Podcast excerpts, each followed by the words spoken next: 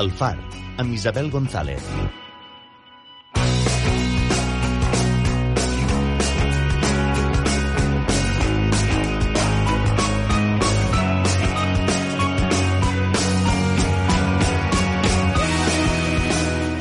Les 4 i 4 minuts, què tal? Molt bona tarda. 37 persones mortes aquest cap de setmana en aquest uh, intent de creuar el pas fronterer en aquesta tanca de Melilla. Les imatges que han acabat uh, transcendint són, són d'una brutalitat increïble, són d'una violència increïble, esgarrifoses. Mentrestant, el president del govern espanyol doncs, ha culpat les màfies d'aquest assalt violent i agraeix la feina feta tant per les uh, forces de seguretat marroquines com les espanyoles. Avui és dilluns i venim d'un cap de setmana complicat perquè no només hem hagut de, de viure i explicar uh, aquestes, aquestes morts, aquests assassinats, aquestes 37 persones migrades que fugien d'un estat en guerra, no només, com deia, hem hagut d'explicar de, uh, això, sinó que també eh, sabíem a inicis del cap de setmana que doncs, eh, la Cort Suprema dels Estats Units havia decidit retirar la, prote la protecció constitucional al dret d'avortament de la dona. 50 anys després, la justícia nord-americana ha anul·lat aquesta llei que protegia aquest eh, dret. Què significa això? Que, que queda il·legalitzat? No, el que significa és que aquest dret ja no és avalat per la Constitució nord-americana i que resta sotmès aleshores a la legislació de cada estat. Per tant, serà cada estat el que decidirà si il·legalitza l'avortament als Estats Units en tot cas, un uh, retrocés en tots els drets, els que hem, el que hem viscut uh, en, en diversos uh, nivells aquest uh, cap de setmana, que només, uh, doncs, uh, nosaltres el que ens queda és el que ha fet la gent aquest cap de setmana, aquest diumenge també sortir al carrer i protestar, però al final, com sempre passa, de res serveix que la gent uh, surti al carrer i reclami doncs, uh, millores en els uh, drets humans, que reclamin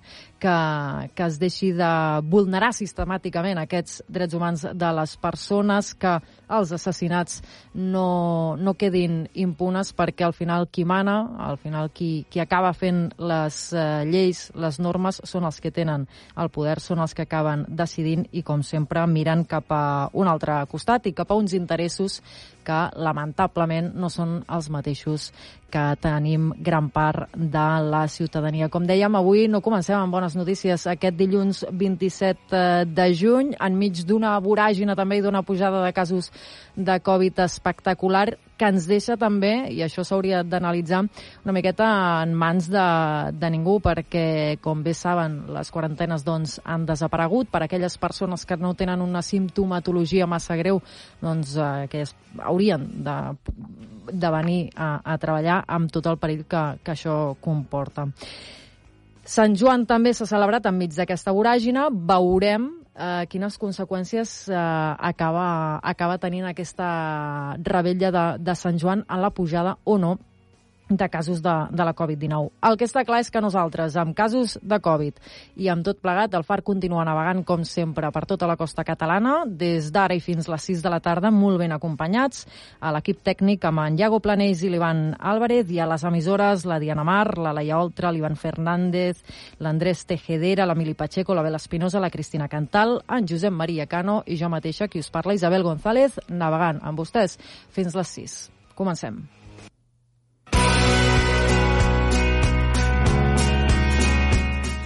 El Far, el programa mariner de Catalunya.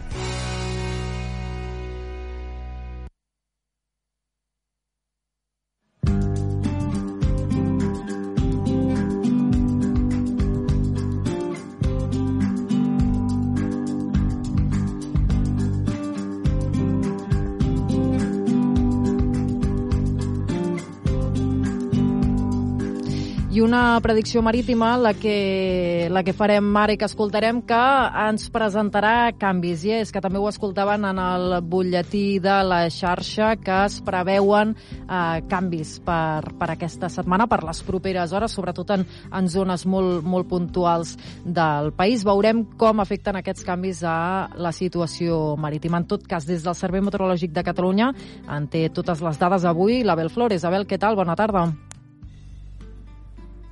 Bona tarda. La previsió marítima a la costa catalana ve marcada també per l'abans d'aquesta pertorbació. Avui hem vist alguns intervals de núvols, també algun ruixadet cap a la zona del Camp de Tarragona i a partir d'aquesta tarda esperem que els ruixats, els xàfecs puguin anar més. Cap a la zona del litoral esperem que apareguin al voltant de les Terres de l'Ebre, amb tempesta, localment també fins i tot amb alguna calamarsada o alguna pedregada i possiblement també amb algunes ratxes fortes de vent. En aquest sentit, ja ha vist des del Servei Meteorològic de Catalunya per aquests xàfecs que poden ser intensos cap al sud del territori i també cap al vespre nit podrien arribar a punts del camp de Tarragona. Seran xàfecs eh, puntuals, no duraran massa estona, però, com dèiem, localment poden descarregar amb intensitat. A la resta de la costa, doncs, un temps més tranquil durant la tarda, amb alguns intervals de núvols, i serà la nit matinada quan podíem veure passar també algun ruixet. En aquest cas, ja cap a la costa de Barcelona o que, també cap a la Costa Brava, fenòmens eh, menys probables, més locals i també més febles. Això sí, esperem tramuntant encara durant les properes hores a la zona del nord de la Costa Brava, cap al nord del Cap de Creus, amb algunes ratxes fortes, amb forta maró en aquest sector. També veurem àrees de forta maró cap a l'entorn del Cap de Begú i a la resta del litoral el vent de component sud que s'imposa durant la tarda i aixecarà algunes àrees de maró. Avui la temperatura no canviarà gaire. Demà haurà passat la pertorbació, però es mantindran intervals de núvols cap a la zona de la Costa Brava, també la tramuntana, bufant amb algunes ratxes fortes molt fortes cap al nord del Cap de Begú, però desapareixent a partir de migdia, quan tendirà a imposar-se el vent de component sud a tota la costa catalana. Això sí, també cap al sud, cap a les Terres de l'Ebre, veurem el mestral bufant amb alguna ratxa forta fins a mig matí. Demà la temperatura tendirà a recuperar-se. És tot de moment, ho deixem aquí, des del Servei Meteorològic de Catalunya.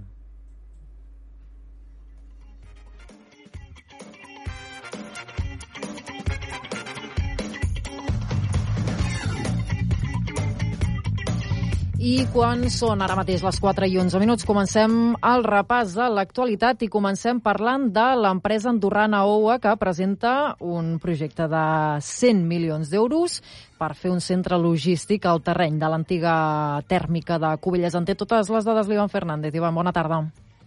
Bona tarda. Doncs uh, sí, segons ha detallat avui dilluns uh, l'Ajuntament de Cubelles, la proposta suposaria la creació de més de 300 nous llocs de feina directes, un fet que podria reduir l'atur del municipi en més d'un 5%. La inversió inclou la compra dels terrenys a la seva propietària, Endesa, amb qui apunten ja han arribat a un acord eh, verbal, així com també la construcció de les naus logístiques. La proposta, per tant, preveu la creació d'un sostre vegetal a totes les instal·lacions, subministrament elèctric solar i la planificació també de noves zones verdes. L'empresa andorrana s'encarregaria, per tant, de construir aquest centre logístic per després cedir les instal·lacions a altres empreses operadores. L'Ajuntament ha destacat que els promotors han mostrat interès en Cubelles per la seva ubicació a mig camí de Barcelona i Tarragona i també per la seva connexió a través de la carretera C32. L'Ajuntament, però, assegura que encara no ha pres una decisió clara i ara s'obre un període perquè tots els grups municipals puguin traslladar les seves preguntes, els seus dubtes als promotors i valorar l'oportunitat d'aquesta inversió.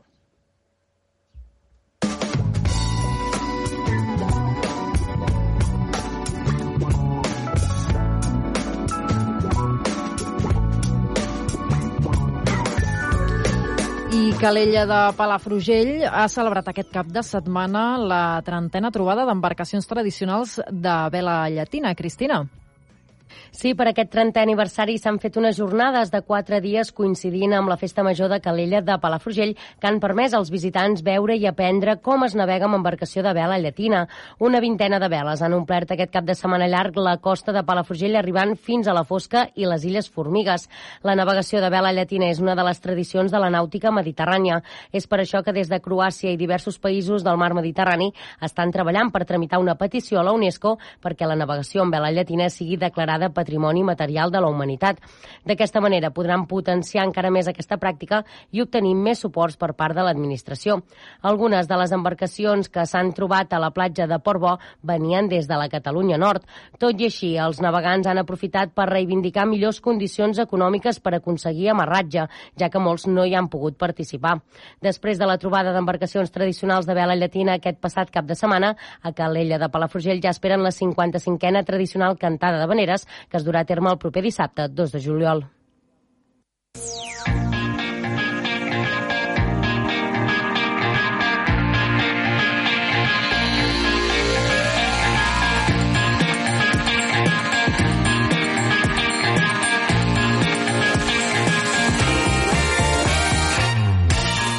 I seguim amb més qüestions. Ara fa 18 mesos va néixer a la Ribera d'Ebre una associació sense ànim de lucre amb doble propòsit, recuperar rucs i fer prevenció forestal. Diana. Així és, Isabel, aquesta setmana passada ha estat realment alarmant per els diferents incendis que s'han donat arreu del país. A les Terres de l'Ebre tenim dues de les comarques més susceptibles de Catalunya a patir grans focs forestals, la Ribera d'Ebre i la Terra Alta. Precisament a la Ribera d'Ebre, després del foc que va colpejar Tivisa l'any 2013, un propietari de rucs va decidir, ara fa 18 mesos, com deies, tirar endavant una iniciativa sense ànim de lucre, amb un doble propòsit, recuperar rucs i fer prevenció forestal. Així, Joan Sedó, propietari del Tivisa Donkeys Firefighters, ha dut a terme una prova en dues hectàrees en l'ànim d'intentar eh, pues, eh, recuperar animals que estan en mal estat i al mateix temps fer una gestió forestal, una gestió sostenible del, del territori. No? I llavors vam parcel·lar dos hectàrees i vam provar amb tres animals si la cosa funcionava.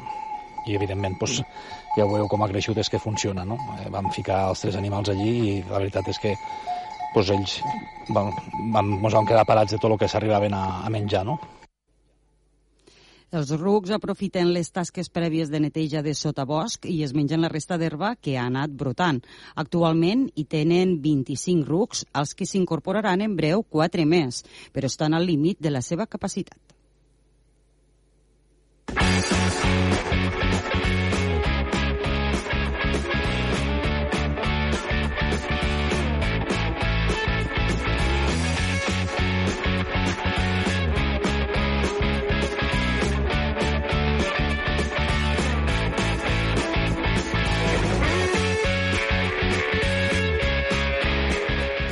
I la platja Calabona de Blanes i la cala Sabuadella de Lloret de Mar, entre les 20 millors platges d'Europa i les dues úniques de Catalunya. És així, Emili? Doncs sí, el portal European Best Destinations, una web de viatges que promou la cultura i el turisme, ha elaborat un rànquing estiuenc que inclou el que anomena com les millors platges d'Europa. Entre les 284 que composen aquest llistat hi ha 20 platges que pertanyen a l'estat espanyol i una d'aquestes és Calabona, més coneguda pels blanencs i blanenques com la Cala de Sant Francesc. Juntament amb la Calabona, el rànquing europeu només destaca una altra platja del territori català, que és, com deies, Cala Sabuadella, el veí municipi municipi de Lloret de Mar per confeccionar l'exclusiu llistat de les millors destinacions de platges que hi ha arreu del continent europeu. La web de viatges ha comptat amb un total de 12.620 votacions efectuades per viatgers i viatgeres que pertanyen a 82 països diferents. La primera posició l'ocupa Porto Santo, a Madeira, Portugal, i la segona, la platja de Bolònia, situada a Tarifa, a Càdiz.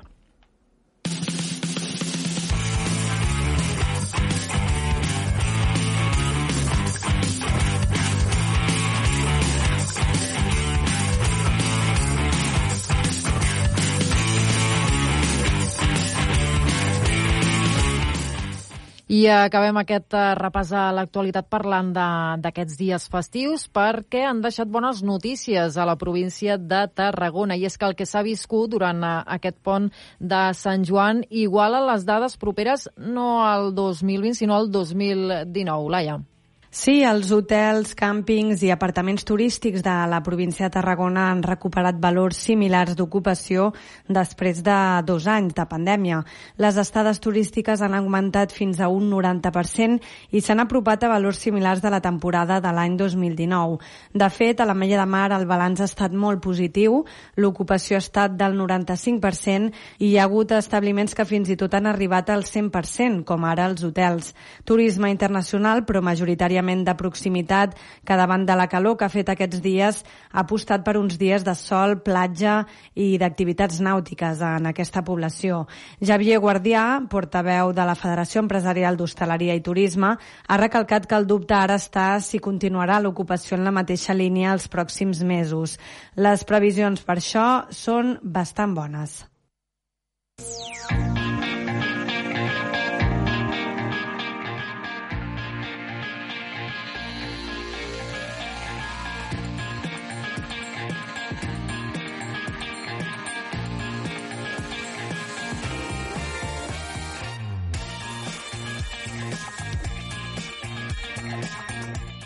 I ahir, ahir diumenge, a la platja de l'Arenal de l'Hospitalet eh, de l'Infant, el Baix Camp va, va ser desallotjada, va haver de ser desallotjada de, vora, al migdia, després que s'alviressin a prop de la sorra dos eh, taurons.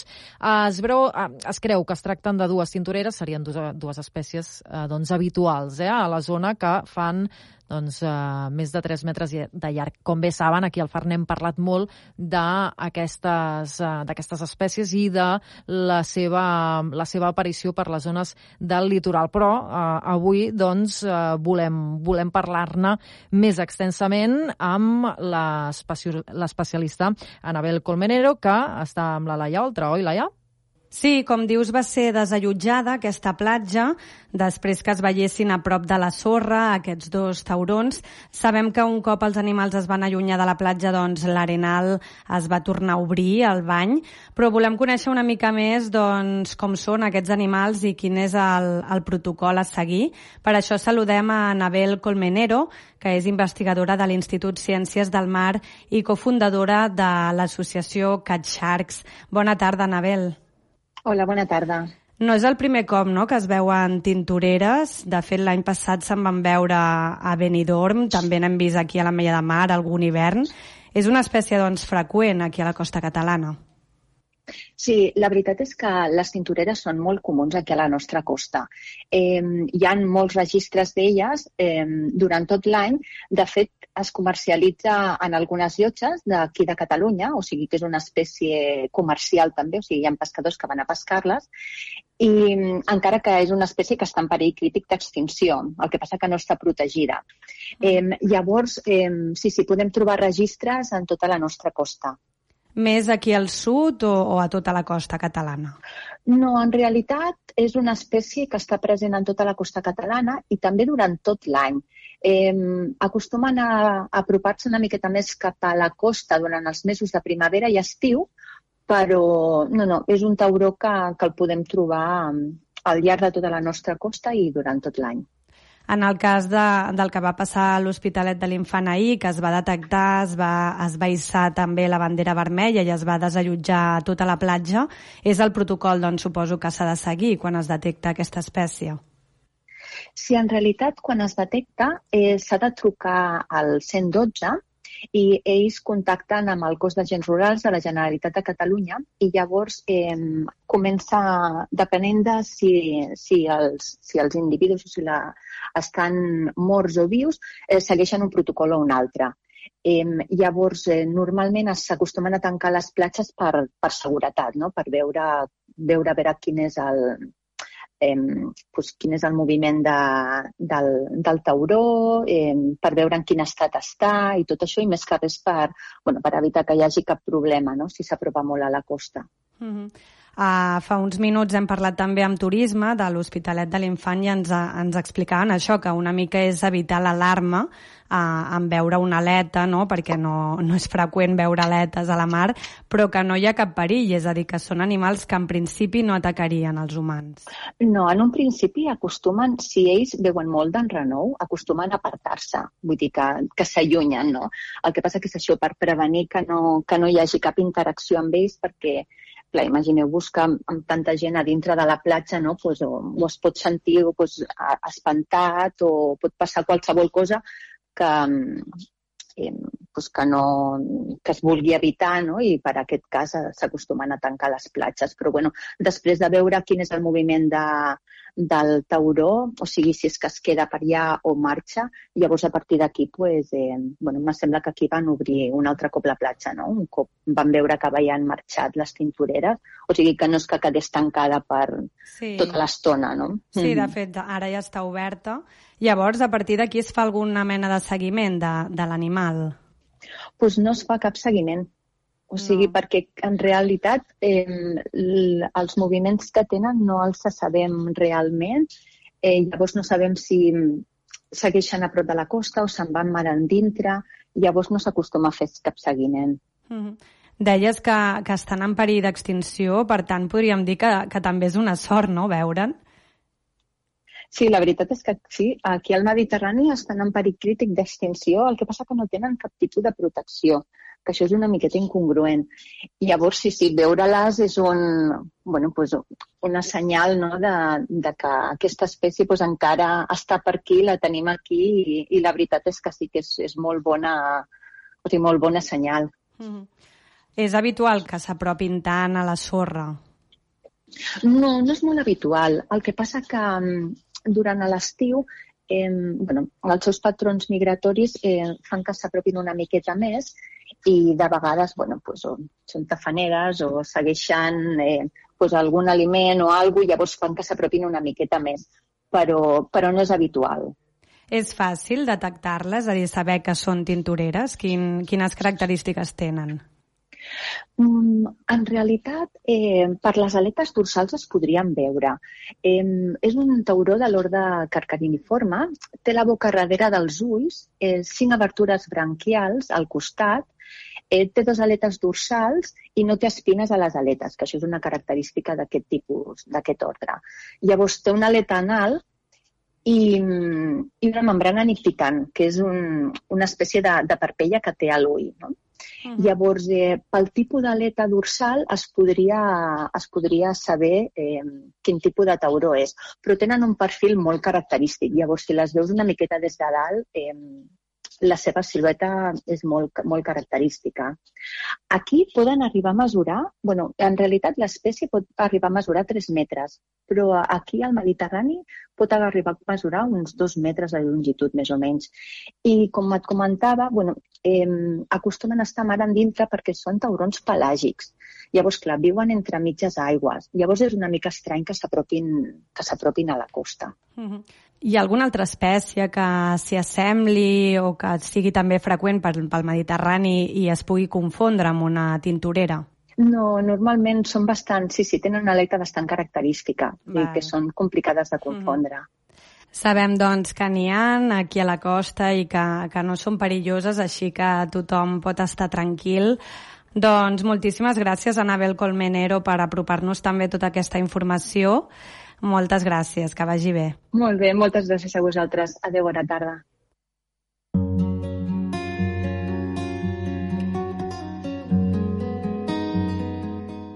Veus humanes.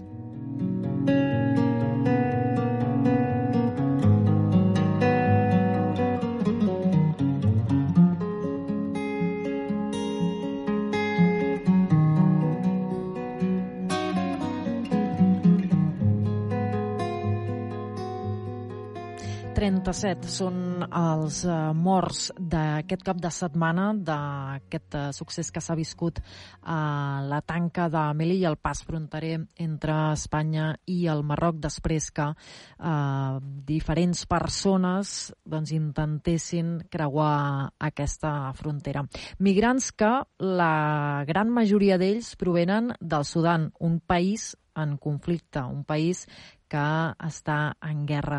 El resultat d'aquestes actuacions policials, que doncs, eh, tots hem pogut veure, perquè aquestes imatges s'han filtrat a través de les xarxes socials, de les xarxes socials han passat als mitjans de comunicació, doncs hem pogut veure la, la brutalitat comesa tant per les forces de seguretat marroquines com també per les espanyoles, encara que els discursos institucionals, els discursos polítics avalin tota aquesta repressió brutal que s'ha viscut, aquestes morts que s'han eh, causat, doncs, tot i que, com deia, aquests discursos polítics avalin tota aquesta actuació, la brutalitat és evident, l'ús excessiu de la força és evident i la vulneració i violació sistemàtica dels drets humans d'aquestes persones és també evident. Només cal veure les imatges. Les mobilitzacions arreu del país ja s'han produït, arreu del país i fora també, perquè la gent s'ha mobilitzat per eh, doncs,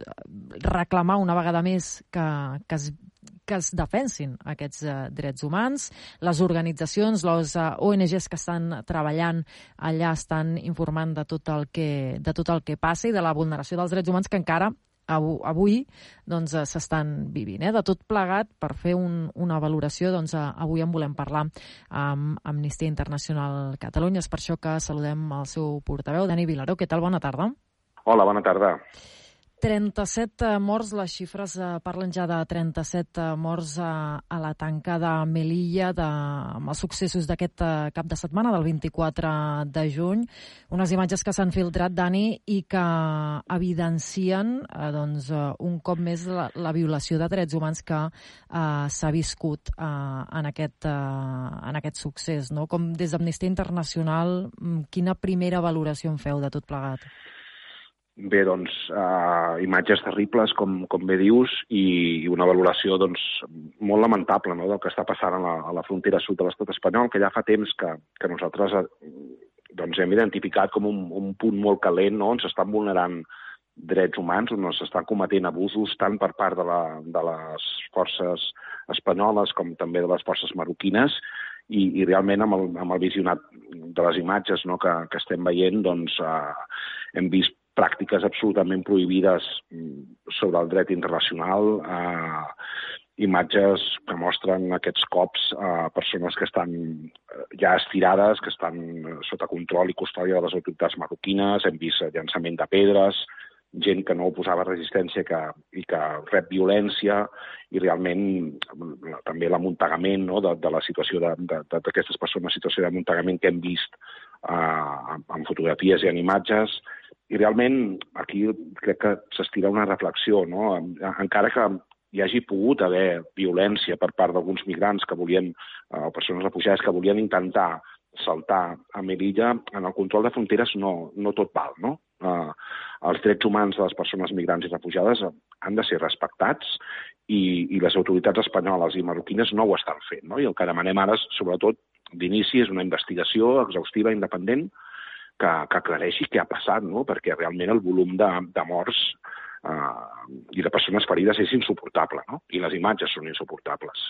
Mm. Són unes imatges eh, esgarrifoses que, com eh, tu bé deies, doncs, evidencien aquest eh, ús excessiu de, de la força contra aquestes persones refugiades, contra aquests migrants. De moment, el que ara diu Brussel·les és que de moment està evitant demanar una, una investigació sobre la mort d'aquestes persones a la tanca de Melilla i, mentrestant, també el discurs del president del govern espanyol, Pedro Sánchez, no sembla que estigui massa predisposat tampoc a que aquesta investigació per tal d'esclarir eh, els fets i esclarir per què aquest ús excessiu de, de la força, doncs eh, no sembla que estiguin massa oberts eh, a, aquesta, a aquestes investigacions? No, no, no, però no, no podem acceptar, no? Um, és a dir, els dirigents europeus sempre donen suport a Espanya perquè Espanya és frontera sud de la, de la Unió Europea, no? Això, això, per aquesta regla de tres, doncs, els abusos que es cometen a la frontera d'Espanya no? Mm, són també abusos que es cometen a la Unió Europea. I, per tant, entenem que, que els dirigents de la Unió Europea també són responsables o corresponsables de tot allò que està passant a les seves fronteres. No? I el que demanem des de fa temps és que no mirin cap a l'altra banda davant d'aquests abusos que s'estan cometent en aquestes fronteres de la Unió Europea, no? en aquest cas la frontera espanyola amb, amb Marroc. No? Um, tot això és un, una evolució més del que ja fa anys que veiem, mm. que és l'anomenada la, la, Europa fortalesa, no? que està més ocupada a tancar-se no? i externalitzar fronteres a països amb, amb un dubtós historial de drets humans com és el Marroc, que no pas per defensar les persones i els seus drets. No? Nosaltres ja hem documentat en nombroses ocasions el cost humà d'aquestes polítiques de la Unió Europea, no només a la frontera amb Marroc, al mar, no? amb totes les morts al Mediterrani, però també a la frontera est. Avui mateix publicàvem un informe a Lituània que també explica el tracte que estan rebent algunes persones que ingressen a Lituània i per tant també a Unió Europea, um, des, de, des de països com Bielorússia, i això és una constant. No? Durant els últims anys, la Unió Europea i els seus estats han enfocat tota la seva energia a construir una, una fortalesa cada cop més impenetrable per impedir l'entrada de migrants a través de les seves fronteres. I això té un cost humà i això té un cost en vulneració de drets humans que ara està absolutament disparat. No? I això és molt lamentable per part de la Unió Europea, per part del govern espanyol i per part de totes les autoritats que tenen responsabilitats a l'hora de, de garantir els drets d'aquestes persones. Mm. Hi ha gent que es pregunta realment la filtració d'aquestes imatges, és a dir, la gravació per part eh, d'aquí, d'aquestes imatges, i la filtració amb quina intencionalitat. No? Recordem també que tot això eh, succeeix i es fa eh, visible després de, podríem dir, d'aquestes eh, represa de les relacions diplomàtiques entre Espanya i Marroc amb, amb tot el posicionament del Sàhara Occidental. També segurament hi ha aquí moviments estratègics. Clar, nosaltres no ho sabem, això ho desconeixem, no? però, però és evident que des de fa temps la migració ha esdevingut com un, com un peó no? de, de tot el joc polític que, que s'estableix entre Marroc, la Unió Europea i Espanya, no? amb, amb el Sàhara també occidental per aquí enmig i amb tot la, la, el canvi de posició que hem vist en els últims temps de, del govern espanyol amb, respecte al Marroc. No? Però és evident que la migració s'està utilitzant eh, per, per, per temes més estratègics, per temes de joc polític, com deia, i això és molt lamentable, no? perquè aquí hi ha pèrdua de vides humanes i sobretot hi ha un incompliment del dret internacional. El dret internacional estableix que tota persona que, puge, que fuig d'un conflicte bèl·lic eh, o de persecució ha de tenir la possibilitat de demanar asil i demanar protecció internacional a, a un tercer país. I això és el que s'està incomplint. No? Eh, sabem que moltes de les persones que, que hi van que, que, que van morir l'altre dia, eh, eren del Sudan del Sud. Al Sudan del Sud hi ha un conflicte bèl·lic i, per tant, mm. són gent que fugen d'una guerra i que tenen dret, almenys, a que s'avaluï individualment la seva, la seva petició d'asil. I això no s'està fent, no? I, i, i realment és, és lamentable que tot això també entri en aquest joc geopolític entre Marroc, Espanya, la Unió Europea, el Sàhara Occidental, tot, tot, tot el que està passant allà, tota la zona diguem, de conflicte, i que, i que estiguem uh, oblidant els drets d'aquestes persones, que és allò només allò que estableix el dret internacional. És a dir, només demanem que els estats compleixin allò que diu el dret internacional, que és el que ara no estan fent. Uh -huh. uh, recordem que uh, s'han produït uh, devolucions uh, en calent. Hi ha persones a qui se'ls hi està negant també ser ateses doncs, uh, per, per uh, els grups sanitaris. Um, S'estan prohibint fer autòpsies. Vull dir, uh, la situació allà no fa més que, que empitjorar. Eh? El que, el que cada vegada que se saben més notícies, les situacions uh, doncs, uh, no fan més que empitjorar de, de tot plegat. Sí, és, és una situació explosiva i fa, i fa mesos o, o fins i tot anys no? que és una situació explosiva, que estem veient imatges, potser no, no de l'abast del que vam veure l'altre dia, però que realment a, a, la, a la tanca de Melilla és, un, és un, un, una zona en concret on hi ha una, un, podríem dir, una suspensió de drets, és a dir, allà s'estan aplicant devolucions en calent, encara que les autoritats espanyoles ho neguin, però hi ha imatges claríssimes de gent que s'està tornant en frontera eh, i hi ha tota una, tota una sèrie d'abusos que, que, que estan passant. No? Llavors, eh, bé, nosaltres el que demanem una vegada més a les autoritats espanyoles és, per exemple, que no duguin a terme aquestes devolucions en calent, no? que, que el que han de fer és eh, rebre aquestes persones i avaluar. Ningú diu que, que hagin d'entrar totes aquestes persones, el que diem és que la legislació internacional diu que s'han d'avaluar individualment aquestes peticions. I això, mm, de pla, es rebutja no? quan, quan es fa una devolució en calent, perquè tu no saps si aquella persona que estàs tornant doncs, té dret o no a demanar protecció internacional. No? Llavors, eh, bé, no sé, eh, nosaltres el que demanem sobretot és que també s'abandoni aquesta política tan indignant no? de, de doble vara de mesurar. O sigui, estem veient, per una banda, una solidaritat molt lloable amb Ucraïna, eh, i està entrant molta gent d'Ucraïna, i, molt, i milers de persones, i centenars de milers de persones, i en canvi, amb, amb, amb 2.000, 3.000, 4.000 persones que venen eh, de l'Àfrica, doncs eh, estem veient aquestes imatges terribles, no? aquesta situació tan terrible. Això és, vaja, no aguanta cap, cap anàlisi, no? cap, cap mena d'anàlisi. Uh -huh.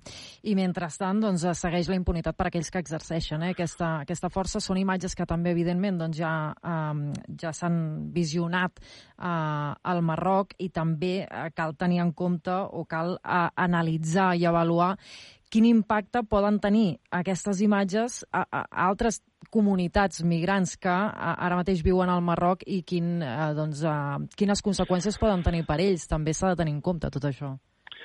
Sí, sí, sí, perquè més és que partim d'una llarga trajectòria d'abusos de, de, dels, de, dels drets d'aquestes persones al, al migrant, no? els migrants a, Marroc. Nosaltres hem, hem documentat ja que ja hi ha hagut doncs, eh, un assetjament il·legal no? i detencions i trasllat d'aquestes persones eh, des de campaments a, a presons, eh, expulsions a l'estat espanyol quan, quan calia pressionar el govern espanyol. És a dir, el Marroc fa anys que està incomplint greument les seves obligacions i, i el que és més greu és que el, el, la Unió Europea, diguem, afavoreix aquesta externalització de fronteres. Ho veiem al Marroc, però també ho hem vist a Líbia, també ho veiem en altres països, no? I és aquesta política europea que, que mata, no? Que mata. És una política europea que, que, bé, que en comptes de posar els drets humans en, en el centre de tota la cooperació amb tercers països en matèria d'immigració, doncs el que fa és eh, doncs consolidar aquestes pràctiques abusives. No? I realment eh, que la, la Unió Europea col·labori amb aquests països eh, doncs la fa còmplice, no? com dèiem, i, la, i, i realment és el que, el, que, el que persegueix, no? que és aquest tancament de les fronteres europees perquè no arribi ningú i que tot es gestioni, abusos inclosos, doncs fora de les fronteres europees. I davant de tot això, Dani, què? Perquè si sistemàticament fa anys, eh, l'any vinent, crec, si no vaig errada, farà 30 anys de la construcció d'aquesta tanca eh, a Melilla, davant de, de l'abús eh, continuat eh, per part de, de les eh, forces de seguretat, davant doncs, d'aquesta doncs, mirada que, que, que mira cap a un altre costat per part de, de, dels polítics i dels qui realment manen, què podem fer? Què, què, què, què, què s'ha de fer? Mm. Nosaltres el primer pas que demanem, i fa anys que el demanem, és que la responsabilitat del control de la immigració o de les persones que volen demanar refugi i asil a Europa no pot estar en mans de tercers països mitjançant aquests acords de cooperació que, que ajuden a bloquejar no, l'arribada dels fluxos de, de migració cap a Europa. És a dir, aquests acords eh, que s'estan fent en determinats països són acords letals, són acords que vulneren drets humans. Per tant, revisar-los, canviar-los eh, amb, amb, amb, amb acords que compleixin una sèrie de característiques. No? Han de ser transparents, han de garantir l'accés a l'asil, han de garantir mesures de protecció adequades per a aquestes persones, salvaguardes de drets humans i, i, i, i complir-los. No? I, i, I jo crec que aquesta és, és, seria un, un primer punt eh, bàsic no? per, per, per intentar desfer aquesta situació ja absolutament enverinada, que seria doncs, uns acords de migració en tercers països que respectin els drets humans i que aquesta agenda de drets humans formi part d'aquests acords. Això ara no està passant i estem veient doncs, com cada cop la situació es va retorçant, retorçant, fins a, no sé, no sé si, si veurem límits a això que estem veient ara, no? Però, Clar, però realment aquí, aquí la situació... està el problema, i això Clar. és el que fa por realment, perquè cada vegada Clar. es va a més i es veu que no hi ha límits realment, que juguen amb Clar, vides clar, humanes clar. i els hi és indiferent. Absolutament, absolutament. I aquesta és la, la gran preocupació, no? I, i, i preocupen també les declaracions de, de, del president del govern, no? Totalment. Doncs eh, absolutament insensible a, a, a un drama humà puguis estar d'acord o no, però, però no, no, no, no s'entenen no? aquestes declaracions, no s'entenen en el moment en què hi ha doncs, més d'una trentena de persones mortes. No? Uh, que ja et dic, pot haver-hi hagut violència en, en, en l'intent de saltar la valla, de saltar la tanca, però en cap cas, eh, diguem, les forces de l'ordre, no? les, les forces encarregades de fer complir una llei, han de, han de sempre actuar amb proporcionalitat i amb, i amb, i amb necessitat, i, i, i aquí clarament hi ha, hi ha un ús excessiu de la força que acaba, fins i tot es pot parlar de, de, de maltractaments o de tortura, no?, amb algunes de les imatges que hem vist. I, I això és el que no pot passar, no? Això és el que no pot passar. Doncs uh, imatges que evidentment evidencien, com dèiem, eh, uh, aquesta violació de drets humans que també uh, uh, fa anys i anys que, que es viuen, que organitzacions com la vostra fa anys que, que denuncieu que, que s'estan vivint. Uh, no sé si aconseguirem que hi hagi un canvi de rumb. En tot cas, doncs, des d'aquí, des del nostre petit granet de sorra, uh, almenys que se sàpiga tot el que està passant, explicar-ho ja és doncs, uh, posar-ho sobre la taula, però el que no podem fer tampoc és explicar-ho quedar-nos amb els braços plegats. Eh? Arriba un moment en què doncs, hem de prendre també la, la iniciativa, no sé com ni quan, Dani, però vaja, um, en el camí sí, estem. No, Sí, sí, sempre ho diem, no? Al final eh, hem de fer carrer i hem de demanar, hem d'exigir als nostres, als nostres governants que compleixin amb allò que, que han signat, amb els tractats internacionals i amb els drets humans, no? Mm. I quan això no sigui així, doncs, doncs evidentment ens queda la protesta i el dret a la protesta. Exacte, que és el que ja s'han viscut eh, aquest cap de setmana, ja hi ha sí, hagut mobilitzacions sí, sí. Uh, arreu doncs, per denunciar precisament a, a aquestes actuacions i avui també n'hi han de, de programades, per tant, des d'aquí, des del FAR també també ho anirem explicant. Dani, eh, t'agraïm molt que hagis eh, compartit amb nosaltres doncs, eh, la visió i l'experiència d'Amnistia Internacional aquí a Catalunya. Eh, en tot cas, doncs, en seguim parlant en, en properes ocasions. Moltíssimes gràcies. I tant que sí. Gràcies a vosaltres.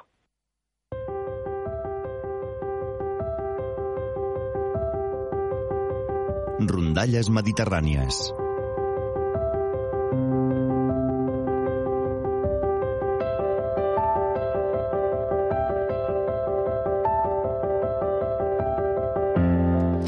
I ja sabeu que els dilluns, eh, just, just quan estem a puntet d'acabar aquesta primera hora de navegació amb tots vosaltres, ens agrada escoltar rondalles eh, marineres, rondalles mediterrànies, i tot just és el que farem ara. Però abans, eh, deixeu-me deixeu explicar, lligat a aquestes eh, rondalles eh, mariner, marineres i mediterrànies, que el Museu Marítim de Barcelona està a punt, a puntet, d'obrir eh, l'exposició que va relacionada amb el conte de, de la iaia Velleta i el eh, suquet de peix de la Barceloneta. Si recorden, és un llibre del qual aquí al FAR nosaltres doncs, vam entrevistar a les seves autores, a Anna Ayala i Vendela Bresc, una entrevista que poden recuperar a través de la nostra plana web i de les xarxes socials, i ara el que farà el Museu Marítim de, de Barcelona amb aquest conte doncs és fer una petita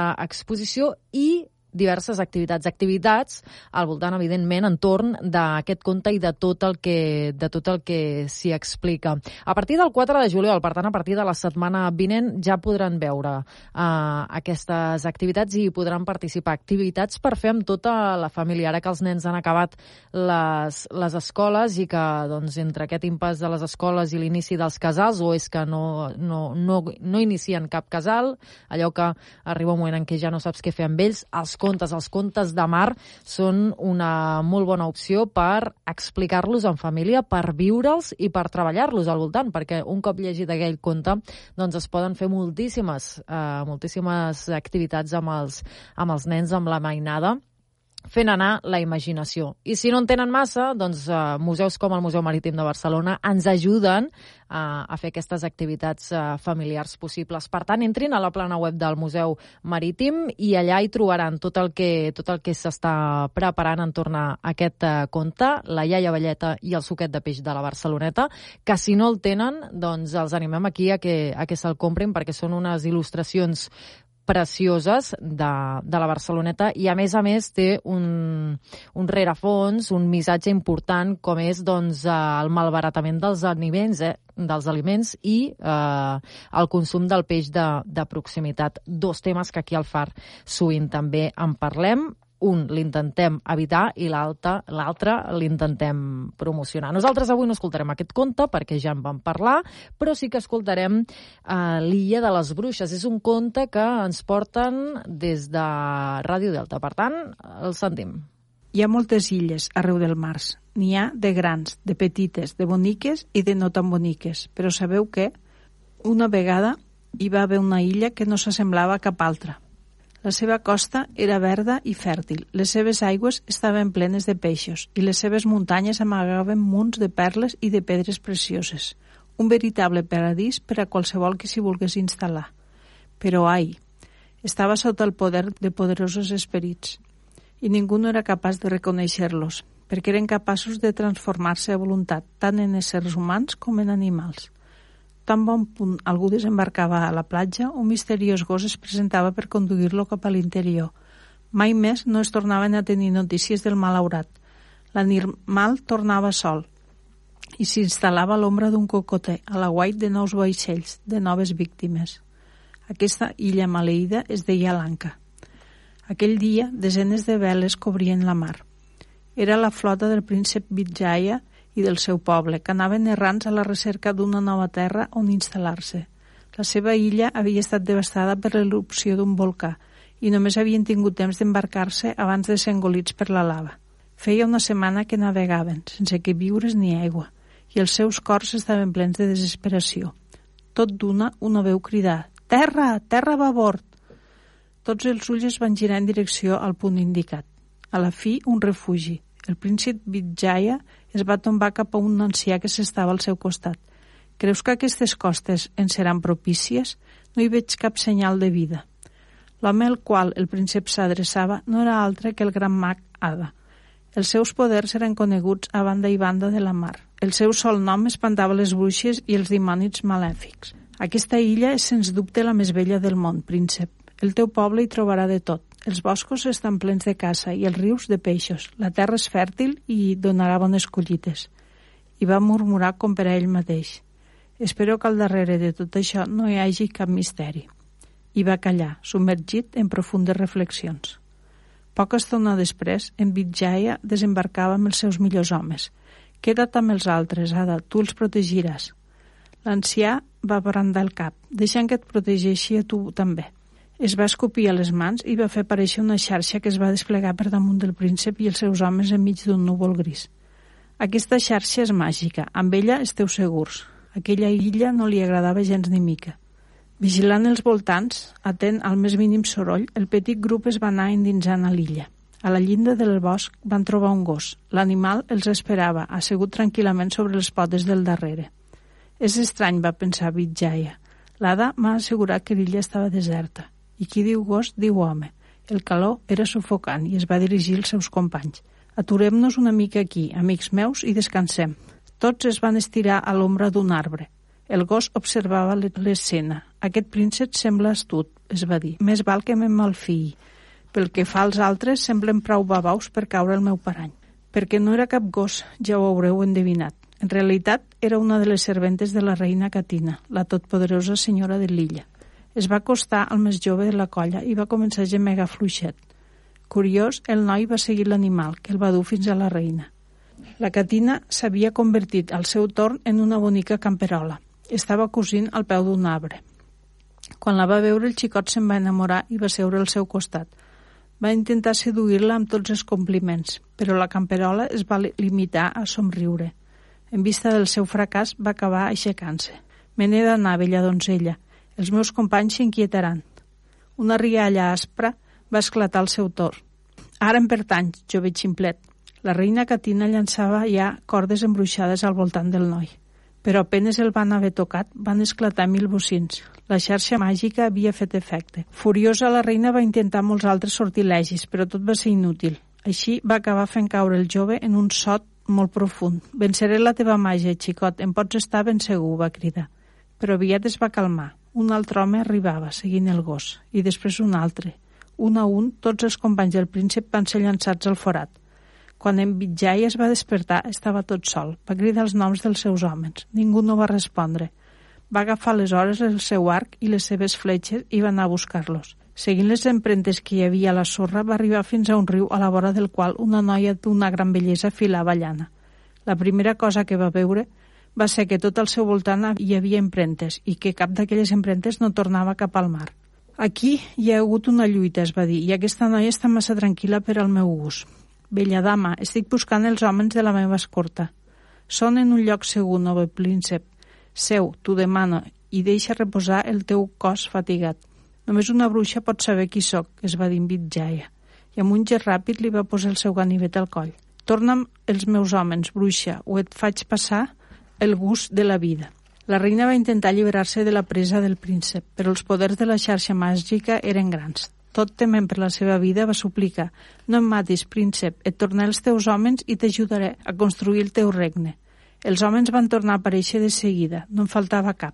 La Catina va fer aparèixer aleshores muntanyes de carn, d'arròs i d'espècies. Els cuinets d'en Vijaya van posar fil a l'agulla i aviat tots van estar instal·lats al voltant d'una taula coberta de plats exquisits. El príncep va veure els ulls de gana de la reina. Generosament va convidar-la a unir-se a ells, i a mesura que l'àpat anava avançant, la Catina, que per molt bruixa que fos no deixava de ser una dona, es va enamorar del príncep Vijaya. Qui sap, pensava, potser un dia ell també m'estimarà. Tot d'una es va sentir una música i uns cants estranys. En Vijaya es va inquietar. Què és això que se sent? preguntà la Catina. Ella va tenir aleshores l'ocasió de mantenir la promesa que havia fet el príncep. Són les noces d'una princesa i del rei de Mantavi, una ciutat que hi ha aquí prop, poblada per dimonis invisibles. Tots els mals esperits de l'illa hi estan convidats i, per tant, si vols un regne, agafa aquest, serà teu. Però com combatre un enemic invisible, va murmurar Vijaya. Jo us guiaré. Allà on sentiu la meva veu, compiu amb les vostres espases. A cada cop caurà un mal esperit. El príncep va entaular una batalla. Gràcies a la xarxa màgica i amb l'ajut de la catina la lluita va ser curta. Els dimonis van ser exterminats fins que no en va quedar cap. I damunt les ruïnes fumejants de Mantavi, en Vijaya va bastir una nova ciutat, que va anomenar Tambapani. El seu poble tenia de nou una terra. Es va casar amb la Catina i va viure amb ella en un palau d'or i de jade a les terres altes de l'illa. Per a molt al seu príncep, la reina de les bruixes s'havia fet dona.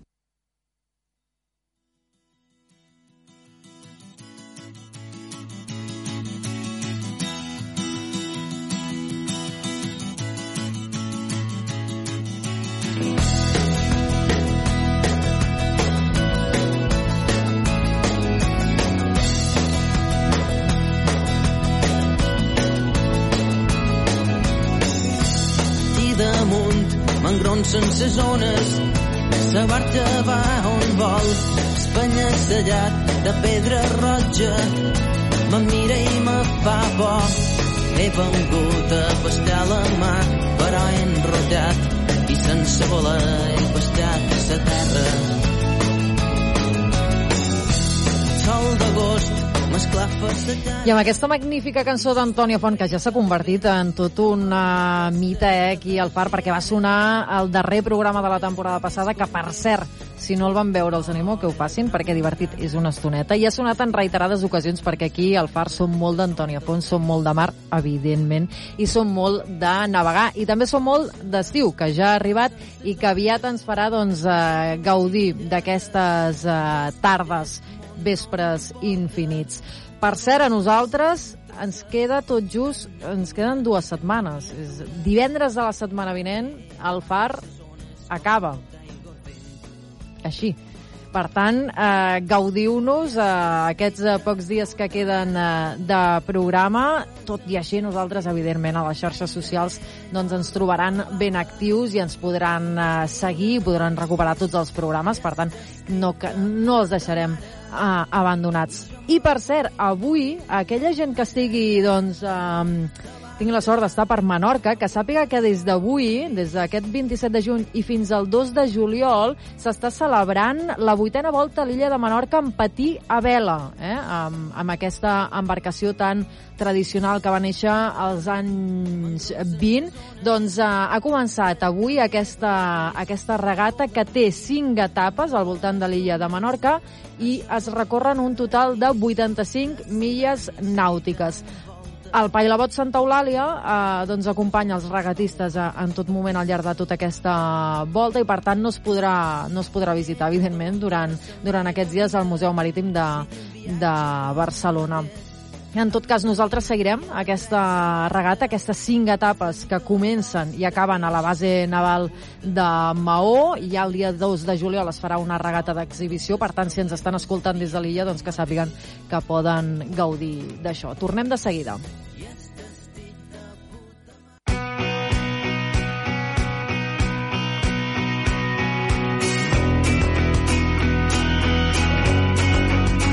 El Far, amb Isabel González.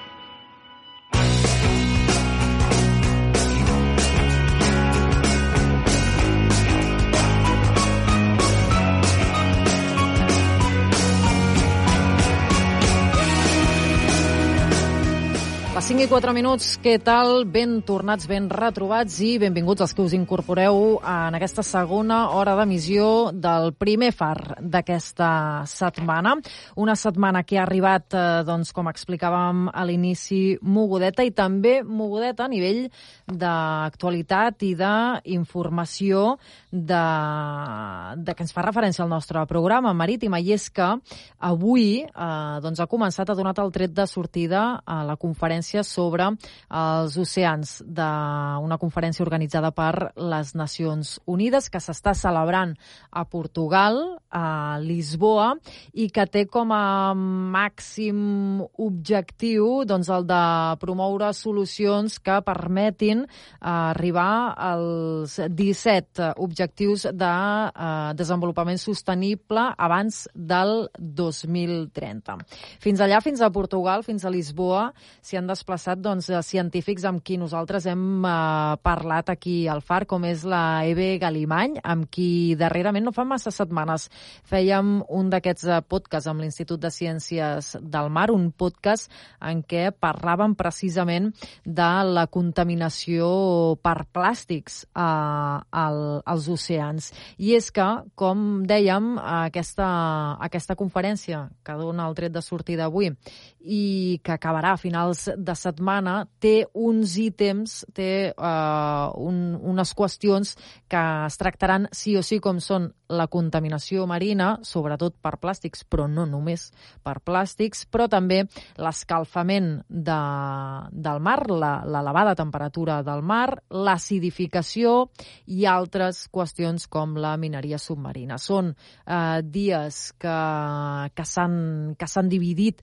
jornades que s'han dividit per temàtiques i en què es debatran totes aquestes qüestions per tal d'arribar a un consens i que es pugui signar una declaració, la declaració de Lisboa, que veurem després si serveix d'alguna cosa o no. El que sí que han fet un bon grapat de, de científics, un bon grapat d'investigadors, d'experts en el tema, coincidint amb aquesta, amb aquesta trobada, amb aquesta conferència dels oceans, és doncs, signar un manifest, eh, científics no només catalans, eh, sinó científics d'arreu del món, exigint més ambició i sobretot exigint mesures que siguin vinculants a la Comissió Europea i que permetin d'una vegada per totes reduir aquesta, aquesta contaminació per microplàstics.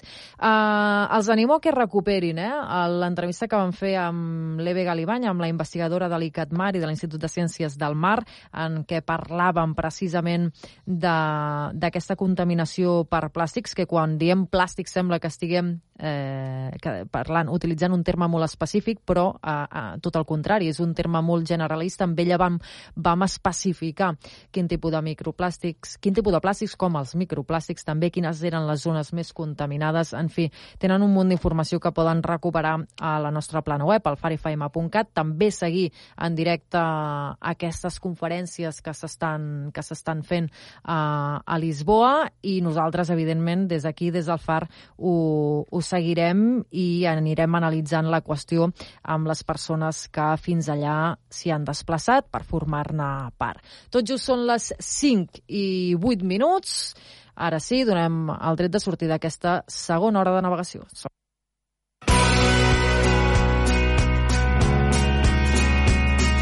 El FAR, el programa mariner de Catalunya.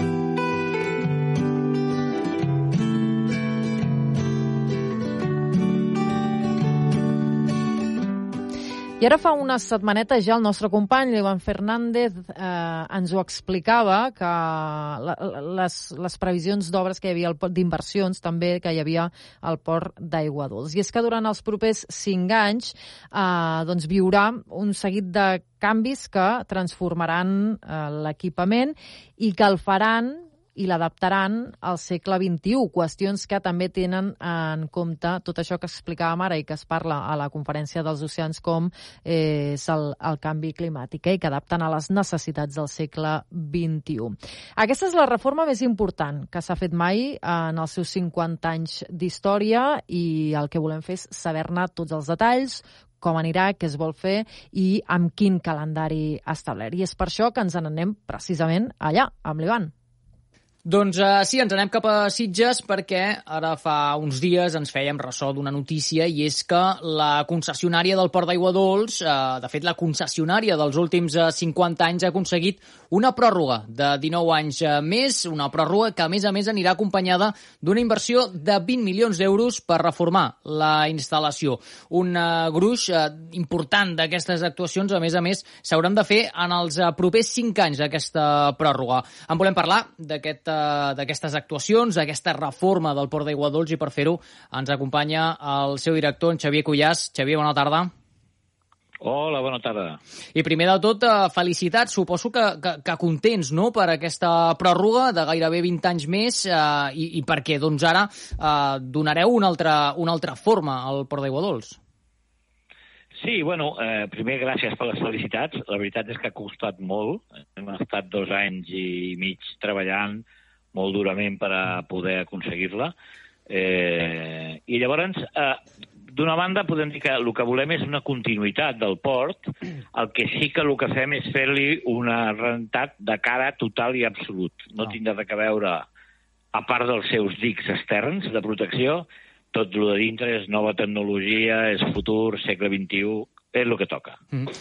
De fet, m'agrada molt una frase que vosaltres mateixos comentàveu ara fa uns, uns dies, i és que eh, el que es vol fer a Aigua Dols és adaptar aquest espai al, al segle XXI i, i aconseguir doncs, que els propis amarradors, no, que els navegants, estiguin còmodes al port. Sí, correcte. Aquesta és una miqueta la idea que des del Consell d'Administració de la Societat doncs, es va plantejar, eh, que és dir, intentar... El port d'Aigua sempre ha sigut una mica un dels, dels ports referència del Mediterrani, del Mediterrani eh, estan on estem, a Sitges, uh mhm. -huh. lògicament. Llavors has d'estar a l'alçada d'aquesta situació, no? I llavors eh, el que dona una idea una mica de per on va el tema és que, per exemple, amb la, amb la foro d'embarcació de Marres, que són 640 en l'actualitat, reduïm la capacitat fins a 471. I això ve donat per, per dues qüestions. Una, que és per l'actualització de la flota, sobretot de les mides i sobretot de les mànigues de l'amplada dels amarres, que clar, estem parlant d'un port dissenyat amb, amb projecte de l'any 70, que actualment doncs, aquestes, aquestes mides eh, venen justetes. No? El mateix que passa amb les places d'aparcament doncs és exactament igual. Uh -huh. I, per altra banda, el, el poder destinar més espais a serveis pels usuaris. -huh. Nosaltres eh, som un port esportiu, però també som turístic. És una, una cosa que d'altres ports doncs, són menys turístics, més esportius, i d'altres són més industrials. El nostre cas és clarament un cas de port turístic, per, per on estem situats i per la filosofia que té el port. Mhm. Per tant, eh, s'ampliarà aquest espai per amarrar les embarcacions. Suposo que també aquesta merma en, en el número de vaixells farà pujar una mica els preus a l'hora d'amarrar, no? Bueno, eh, els preus sempre venen, venen limitats una mica per la situació en la costa i, a, i la situació geogràfica. Mm. La demanda després ja la genera la pròpia instal·lació amb els seus serveis, amb el que té... Clar, pensem que el port d'Aigua Dols és un port, diríem, dels més complets que hi ha, perquè dintre les instal·lacions té fins a un poblat mariner, sí. que és l'únic que existeix a la costa catalana eh? cosa que en canvi a la Costa Blava o a la Costa de la Riviera eh, és habitual que hi hagin apartaments a dintre i tal pel concepte de turisme. Eh? Aquesta és la qüestió. Després per tota la sèrie de locals, sobretot de restauració i d'oci i de serveis, que és el que hi ha, i després la part, la part lúdica de, de, la, de la part de les motos d'aigua i serveis d'entreteniment. De, Bàsicament és un port dissenyat perquè la gent vingui, a part de a navegar, que pugui també disfrutar i gaudir de tota la fase que envolta el fet de tenir un vaixell o de sortir a navegar. Uh -huh. Ara de seguida, eh, parlem d'aquests uh, serveis que ara comentaves. Deixa'm preguntar-te abans, uh, quina és l'ocupació ara mateix al Port d'Aigua Dols? Dèiem que tenim aproximadament unes 630-40 no? uh, amarres, per tant, ara mateix en quin moment uh, esteu? Sí. A veure, tècnicament hi han 642 amarres. 642. Eh, a la pràctica, és a dir, perquè hi ha espais on hi tenim col·locat, per exemple, al sector on hi ha les motos d'aigua i tot això, allà hi ha una col·lecció important de marres que no s'utilitzen com a tal, sinó com a instal·lacions de servei, per la vela lleugera, per l'escola de vela adaptada, per les motos, però l'ocupació el primer any estava al voltant dels 540, una cosa així. I ara, en aquests moments, arrel de la nova, del nou període concessional, que cal insistir i matitzar que és una pròrroga a nivell d'usos, uh -huh. però és un nou contracte a nivell de gestió. Val perquè han canviat les característiques, han canviat els cànons, han canviat les tasses, han canviat el, els períodes i ha canviat sobretot la inversió a executar, que és molt important. I així que, que, que considera a vegades que una pròrroga és dir, no, doncs ara continues 19 anys més i, és de forma gratuïta. No, hem de ser tots conscients de, de la inversió que es fa i que per això l'estudi econòmic financer ha dut el resultat que la Generalitat ha validat i ha dit correcte, endavant. De fet, s'ha firmat aquest nou contracte de gestió, eh, com tu deies, eh, amb noves condicions tècniques, eh, econòmiques, també de formes sí. d'explotació. Això implica, per exemple, que, que vosaltres passareu a administrar també eh, els pisos d'aquest poblat mariner que ara comentaves i els locals de, de sí. restauració, no? Bueno, de fet, a, a, a administrar i fer l'explotació ja l'hem fet sempre, Val. des de l'origen. Val? El que passa és que a, eh, a, a la part de l'antic, fins al febrer passat, molts locals i, i molts apartaments, per no dir pràcticament la totalitat, estaven cedits amb dret d'ús durant tota la concessió, mm. fins justament al febrer d'aquest any, que va acabar la concessió. Ara el que, el que fa és fer un canvi de model de gestió. Pel que fa a la Marre, seguirà pràcticament com està, és a dir, que l'usuari podrà adquirir l'amarratge pels 19 anys de concessió administrativa, uh -huh. que no és més que, eh, metafòricament, o sigui, és com pagar un lloguer anticipat. Sí, sí, sí. Amb el qual t'assegures l'espai per tot el temps i, a més a més, t'assegures el preu que ja el tens tancat. Uh -huh. vale? O podràs també arrendar, llogar, amb arrendaments. Uh -huh. En canvi, a la zona de terra, el que són locals i apartaments, com que hi ha una situació amb el poblat mariner de, de diríem, disconformitat urbanística per un tema de l'ús habitacional. L'ús habitacional, amb la llei de costes de l'any 88, el va prohibir. Val. Val? El que va deixar la porta oberta i va dir tots els concessionaris que tinguin concessió podran seguir fent aquest ús uh -huh. fins que la concessió finalitzi. Vale? I en el nostre cas, el que hem aconseguit és, a través de la via de, de nomenar el poblat mariner i introduir-lo a el que és el catàleg de patrimoni de l'Ajuntament de Sitges uh -huh. i fer la tramitació per l'otorgament de, la, de la condició o del nomenament com a bé cultural d'interès local, BECIL, doncs li estem donant una protecció a tota l'edificació urbanística ja que és un punt singular. Mm -hmm. Val? I a, a través d'això és quan hem aconseguit que la Generalitat assumís això i que tramités i projectés el futur eh, amb, aquesta, amb, amb, la, amb l'ús habitacional. Però sempre, amb, com que estem en una disconformitat urbanística i amb una transitorietat, no es poden cedir en dret d'ús, sinó que s'han de fer amb arrendament. Uh -huh. I què passarà, eh, Xavi, amb, amb els locals de restauració? Entenc que en un principi aquests hauran de pagar un lloguer, no, també? Ah, exacte. Aquests passaran a pagar un lloguer. -huh. En lloc de recomprar el local, el dret d'utilització pels 19 anys, el que faran és pagar un lloguer mensual. Uh -huh. eh? Doncs... Fins la seva consolidació. Doncs aquesta seria una miqueta eh, pel que fa a això, eh, aquest nou contracte de, de gestió, però eh, anem, si et sembla, amb aquesta, a parlar d'aquesta inversió que es basa bàsicament en una remodelació profunda, podríem dir, de, dels equipaments. Eh, són tres punts d'actuació. Estem parlant de, per exemple, aquesta nova plataforma que es farà al dic de, de Llevant. Eh, S'incrementa la, la superfície també per poder doncs, fer més activitats esportives, no? Correcte. Eh? Nosaltres, eh, dintre de mantindre la instal·lació amb els seus retocs i amb les seves millores i amb tota la part que, que, que s'anomena de, de reversió, és a dir, de tornar a actualitzar les instal·lacions a l'origen, com estem noves, doncs hi ha una part d'inversió addicional, entre elles hi ha aquesta de generar la plataforma a, a, al final del dic de Llevant, a l'entrada de la Bocana, per guanyar 1.500 metres més d'esplanada per activitats esportives, per promocionar el Club Nàutic que Port de Sitges, per promocionar també l'activitat esportiva de les motos uh -huh. i per promocionar l'escola de vela adaptada, que uh -huh. és, una, la, és la primera escola de vela que va tenir el país, i fundada l'any 90, si no me'n vaig equivocat, i que nosaltres li donem suport i cobertura i la financem eh, pràcticament al 100%, mm -hmm. per lo que fa a instal·lacions nàutiques. Val? I després he incorporat també totes les noves activitats que avui dia es generen, des dels caiacs, els paddles surf, tota aquesta sèrie d'activitats més petites i més individualitzades, sí. però que també tenen una, una forta tirada. Mm -hmm.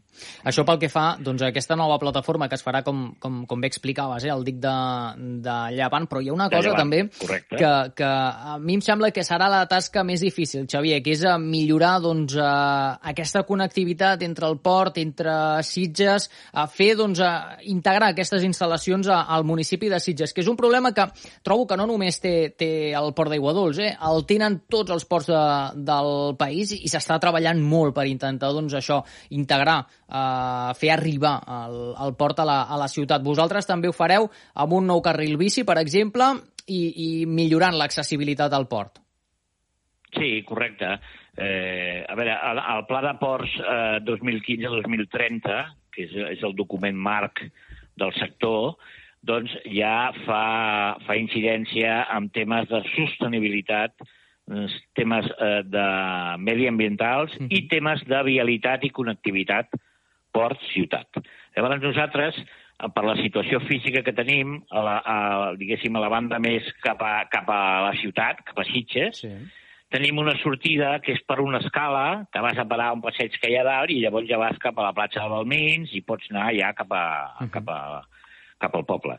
Llavors, clar, aquí es crea una situació en què amb persones amb discapacitat, amb carrets de nens, la gent que va en bici o gent que amb una certa edat que tingui dificultats, sí. automàticament no, no és fàcil. I llavors nosaltres el que hem plantejat i hem proposat i hem projectat és connectar-ho via un ascensor panoràmic. Ah, molt bé. Que et baixarà des del passeig de dalt, a peu pla, i et baixarà hasta a la part de baix del port i que tu ja puguis sortir a peu pla. Uh -huh. val?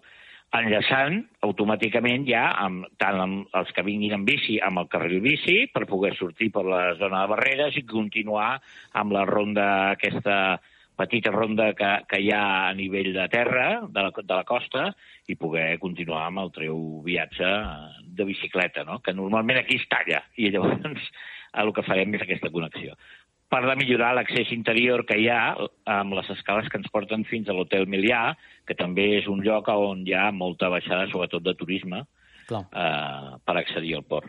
Eh?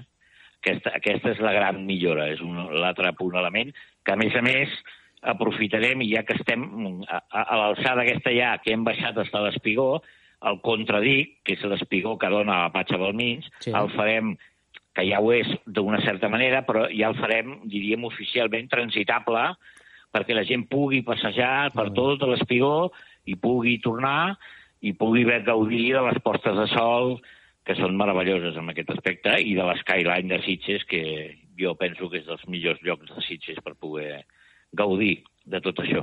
Per tant, eh, em fa la sensació que aquesta remodelació eh, busca captar eh, nous públics, no?, també, no? Eh, obrir el port a, a la ciutadania i, i convidar la gent a baixar, perquè aquí es fan més coses que, per exemple, a vela, es fan més coses que navegar. Aquí, al, al port d'Aigua Dols, hi, hi ha més vida que això.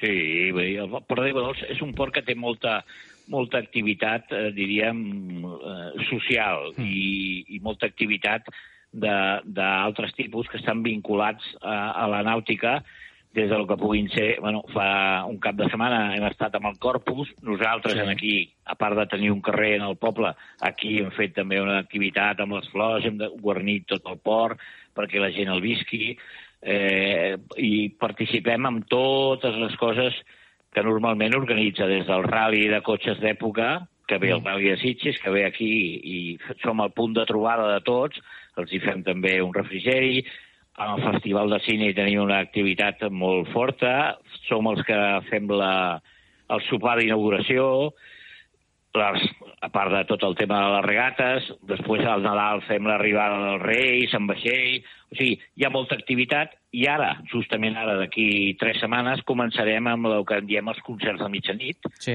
que és una, una sessió que dura un mes i cada divendres i dissabte hi ha una actuació en viu musical de diferents, eh, diguéssim, característiques musicals eh, de tots els, els, els bàndols.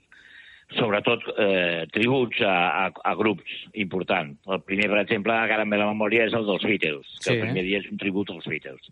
I llavors és una mica el tret de sortida. Per tant, val? Col·laborem també amb el Festival de Cine fent una sessió de curs dels que es projectaran, és una, és una avançada dels que es projectaran en el festival, que la fem aquí també, eh, en fi, tot, tot el dia del Carme, molt important, a nivell nàutic, perquè és la, la patrona, I la Teresa del Carme, i es fa les habaneres, el cremat de ron, la processó, en fi, tot, tot el dia. Per tant, el, que, el que la gent que estima el mar vol. Per tant, arrenca ara, diguem-ho diguem així, la, la temporada d'estiu al, al Port d'Aigua Dols i, i ho fa moltíssimes activitats, eh? a partir ja doncs, eh, d'aquests doncs, sí. sopars que comentaves eh, i fins, suposo que fins ben entrat al setembre, no? Sí, sí. Bueno, de fet, una mica, el que posa una mica ja al final, així, a nivell d'esdeveniments grans, és el Festival de Cine a primers sí. d'octubre. Sí. Eh, que ja és el que hi ha la, climàticament, a més, igual ja comença a fer un canvi una miqueta, encara que tal com estem avui dia, igual estàs octubre, novembre amb màniga curta, amb una calor. Ah, Però bueno. I, I, escolta, Xavier, quan hem de veure aquests canvis? És a dir, aquesta plataforma, el dic de Llevant, eh, aquesta millora de la connectivitat entre el port i la vila, no n'hem parlat, però també es vol fer aquest espigó per evitar, eh, bueno, per protegir el port de, dels temporals. Sí. Tot això quan ho veurem? Pues mira, tot el que són les actuacions, el que són bàsicament d'instal·lacions marítimes, eh, a primers d'any començarem. És a dir, tot el que són amarres, pantalans, molls, tot el que és la part aquesta ja la començarem en el, el mes de gener. Val. Que probablement és la de més impacte i la més important, perquè és la que està més degradada, diríem, la que necessita la substitució i l'actualització més ràpida i automàticament després el projecte està, està diguéssim, dividit en cinc fases diferents i eh, la de l'espigó, aquest de protecció de la millora i l'esplanada de les activitats, jo calculem que això amb any i mig o així ja començarem a poder, poder començar a fer aquesta actuació. I la que ens quedarà pel final serà l'ascensor, que és l'última, i és la que té més complexitat, des del nivell arquitectònic, des de nivell d'autoritzacions, de nivell de tot. Tot i que està ja tot recollit en el, en el projecte, l'Ajuntament està encantat amb el projecte, nosaltres encantats amb el que ens estan ajudant a l'Ajuntament, cosa molt important. I després, si permets, voldria tocar un tema, que Digues. és el tema de, de la sostenibilitat, amb el qual hi hem, hi hem fet eh, molta, molta... O sigui, hi hem tingut... Hi hem posat molt la banya, com es diu, no? Sí. Des del moment en què tot el port, totes les seves instal·lacions, els serveis, estaran telegestionats i, per tant, controlats en quant a consums, tant d'aigua com de llum, val? Vull dir, mm. tothom i tot, qualsevol que tingui una titularitat podrà en qualsevol moment des del mòbil poder saber si el seu barco està consumint, quan està consumint, quan ha gastat d'aigua al mes, en fi, una, una telegestió que és brutal, que a més a més se li poden afegir moltes més coses, avui dia l'electrònica és així, i, i després tota la part de l'energia. Energia que fem una planta de 100 quilowatts, una planta fotovoltaica, sí. a la part de, de lo que és el, el, el talús que ens separa, diguéssim, de la part, de la part urbana a la part portuària, amb 100 quilowatts, el que generarà, sobre els càlculs que estan fets, al voltant del 38 o 40% de l'energia que consumim al port eh, a l'any. mm -hmm. que estem parlant de pues, 300, 320.000 quilowatts. Sí. Vale? El que suposa això amb estalvi de, de, de CO2, de consum, d'emissions a l'atmosfera, i igual que això, tota la part de vehicle, tot també serà transformat a elèctric. Oh, Furgonetes, transports, grua interior, bicicletes, cotxes de servei, tot serà un, el que hem anomenat Greenport, mm. per intentar configurar. Altre aspecte important, els carregadors de cotxes. La normativa avui dia en centres d'aparcament està marcant que tindrà que haver, tindrà que haver-hi, eh, de cada 40 places un carregador elèctric. Mm -hmm. Nosaltres anem a posar-ne dos per cada 40 places. O sigui, en posarem 20 de carregadors, mm -hmm. perquè pensem que el futur és aquest i que el servei té que estar. Per tant, el port d'alguna mentre... manera... Disculpa, per tant, el, el port d'alguna manera es digitalitza i deies que tot això es controlarà a través d'una aplicació, no? El consum dels vaixells, tot això tot. ho podrem controlar des del telèfon tot. mòbil. Des del telèfon mòbil, cadascú, i nosaltres ho podrem monitorejar des de la, de la torre, des del moment que tinguem control de tot. Que salta un diferencial d'una torreta, pip, ens sortirà l'alarma i ens dirà a tal puesto saltat això. Vas directe, rearmes, veus què passa escolta, que aquí hi ha, hi ha un problema d'una fuga d'aigua. Pip, ja la tenim detectada al moment. Clar, tot això implica un cost a nivell d'inversió, però que recuperes amb tot, el, amb tot el període de forma, vaja, potser el doble o el triple de lo que has tingut que, que fer. Perquè l'estalvi és molt important. Detectar una fuga d'aigua, per exemple, aquí, que nosaltres estem sobre l'aigua, a vegades es pot portar un dia, dos dies, i perquè tenim tot molt controlat amb, i sectoritzat amb comptadors. Clar. Però clar, el que no podem és permetre'ns el luxe de, de tirar 50 metres cúbics d'aigua quan sabem que l'aigua és un bé que l'hem de... és molt preciat. Mm. I aquesta és una de les coses que nosaltres ens ha, ens ha, ens ha perseguit a l'hora de plantejar el projecte. Doncs eh, també ja ho veieu, eh? feines en matèria de sostenibilitat, en matèria d'eficiència energètica, s'actualitzaran les xarxes de llum, les xarxes de, també d'aigua, aquestes torretes de consum dels vaixells que a partir d'ara es podran controlar amb una aplicació i tot això eh, hauria d'estar acabat, Xavier, que cap al 2027 aproximadament, deia jo que s'hauran de fer en els primers 5 anys, no sé si han d'estar acabades 2027 o teniu més marge. Aviam, eh, en principi eh, el període és de 5 anys. Sí. Val? Aquest període sempre és un període que després, si, si, fa, si hi ha necessitat, es pot allargar, o l'objectiu nostre és intentar reduir-lo. Eh? Personalment pensem que si tot va bé com i, i el senyor Putin ens deixa i totes aquestes coses, eh, l'objectiu és 2026. Eh, doncs... aquest. Però tècnicament fins al 2027 estem en plaç i en període. Mm -hmm. Doncs uh, d'aquí 5 anys, d'aquí 4 o 5 anys, uh, ja trobarem doncs, un port d'aigua dolç uh, renovat uh, profundament. Uh, tots els seus equipaments uh, doncs, canvien amb aquesta inversió de 20 milions d'euros que, doncs, uh, gràcies a aquesta pròrroga, per uh, 19 anys més doncs, uh, es podrà fer aquí a, a Sitges. Uh, Xavier Cullàs és uh, director del Port d'Aigua Dolç de Sitges. Xavier, moltíssimes gràcies per atendre'ns avui al FAR. Ha estat un plaer xerrar amb tu i que vagi molt bé. De res, a vosaltres. I d'aquí un any tornarem a parlar i, i ja podrem anar explicant coses que hem fet ja. Doncs vinga, va. Uh, d'aquí un anyet ens tornem a posar en contacte i explicarem aquestes primeres, uh, aquests primers canvis que es produiran al Port d'Aigua Dols de Sitges.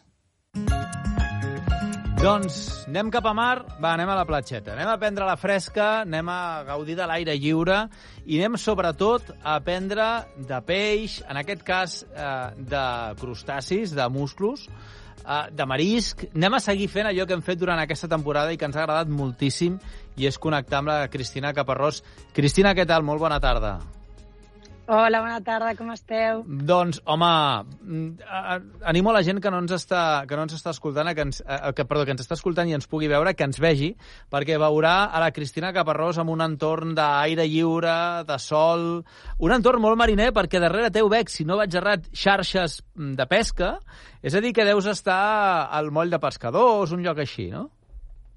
Sí, en aquests moments jo estic al pati de xarxes d'arrossegament és aquí on les, les, les embarcacions d'arrossegament, les barques d'arrossegament, sorgeixen la, les xarxes tots els dies del matí. Avui n'hi ha molt poquetes, mm -hmm. eh, hem, sortit, hem començat a pescar fa molt poc arrossegament, però igualment és, és com tot un privilegi. Jo sempre dic que aquest és el meu racó preferit del món, perquè al final, encara que a Llotja estigui tot a tope, que les vargues estiguin recaparades, aquí normalment s'està tranquil·let. Mm, s'està tranquil i, i suposo que amb aquesta ombra que heu posat s'està fresc, perquè clar, aquí quan no hi havia ombra havia de ser un suplici, eh? això és com, com una mena de desert, uh, ara amb l'ombra molt més agradable tot, no?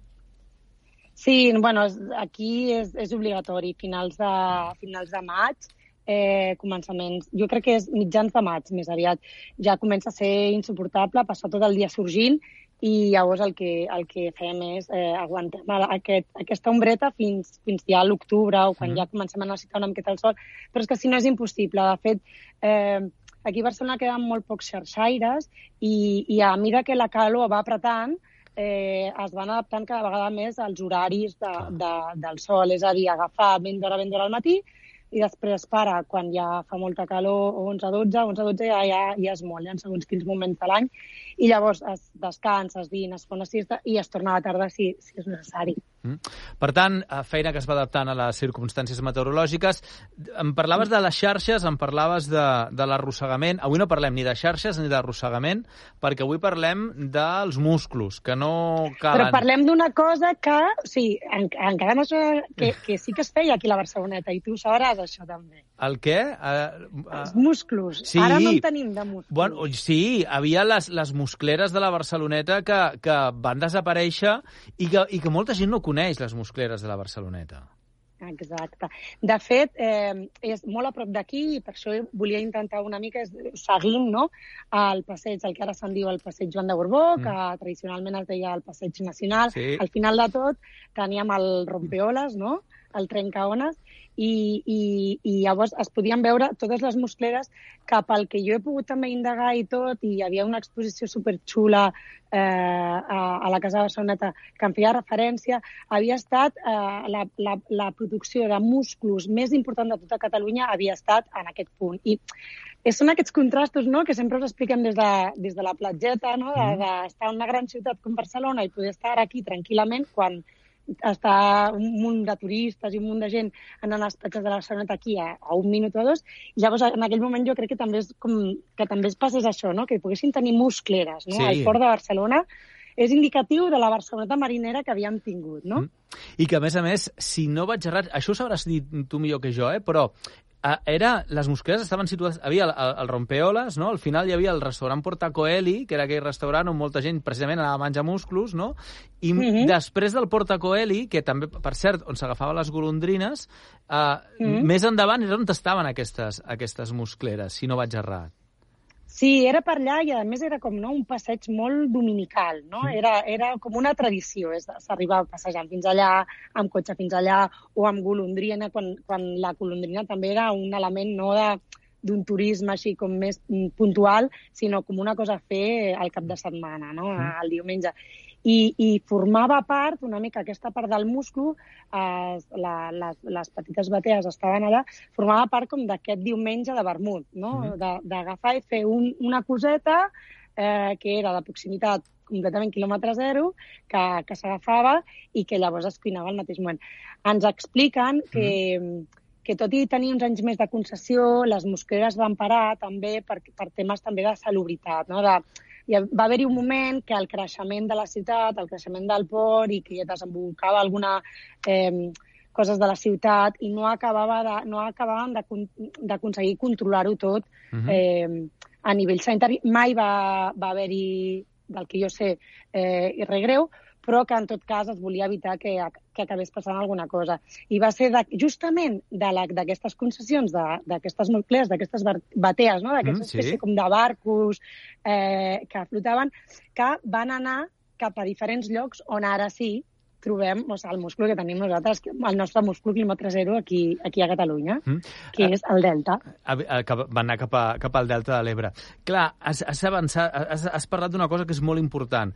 El fet de que hi haguessin muscleres al port a l'interior del port de Barcelona parla de fins a quin punt les aigües del port eh, eren prou netes. Recordem que el muscle té una... Ai, el muscle. El musclo té una, una, fa una feina de filtració quan s'alimenta que fa que es quedi, per alimentar-se, es quedi tot, tot el bo i tot el dolent. Per tant, és important que, que estigui sempre en indrets doncs, on l'aigua és de qualitat, on no està contaminada, etc etc.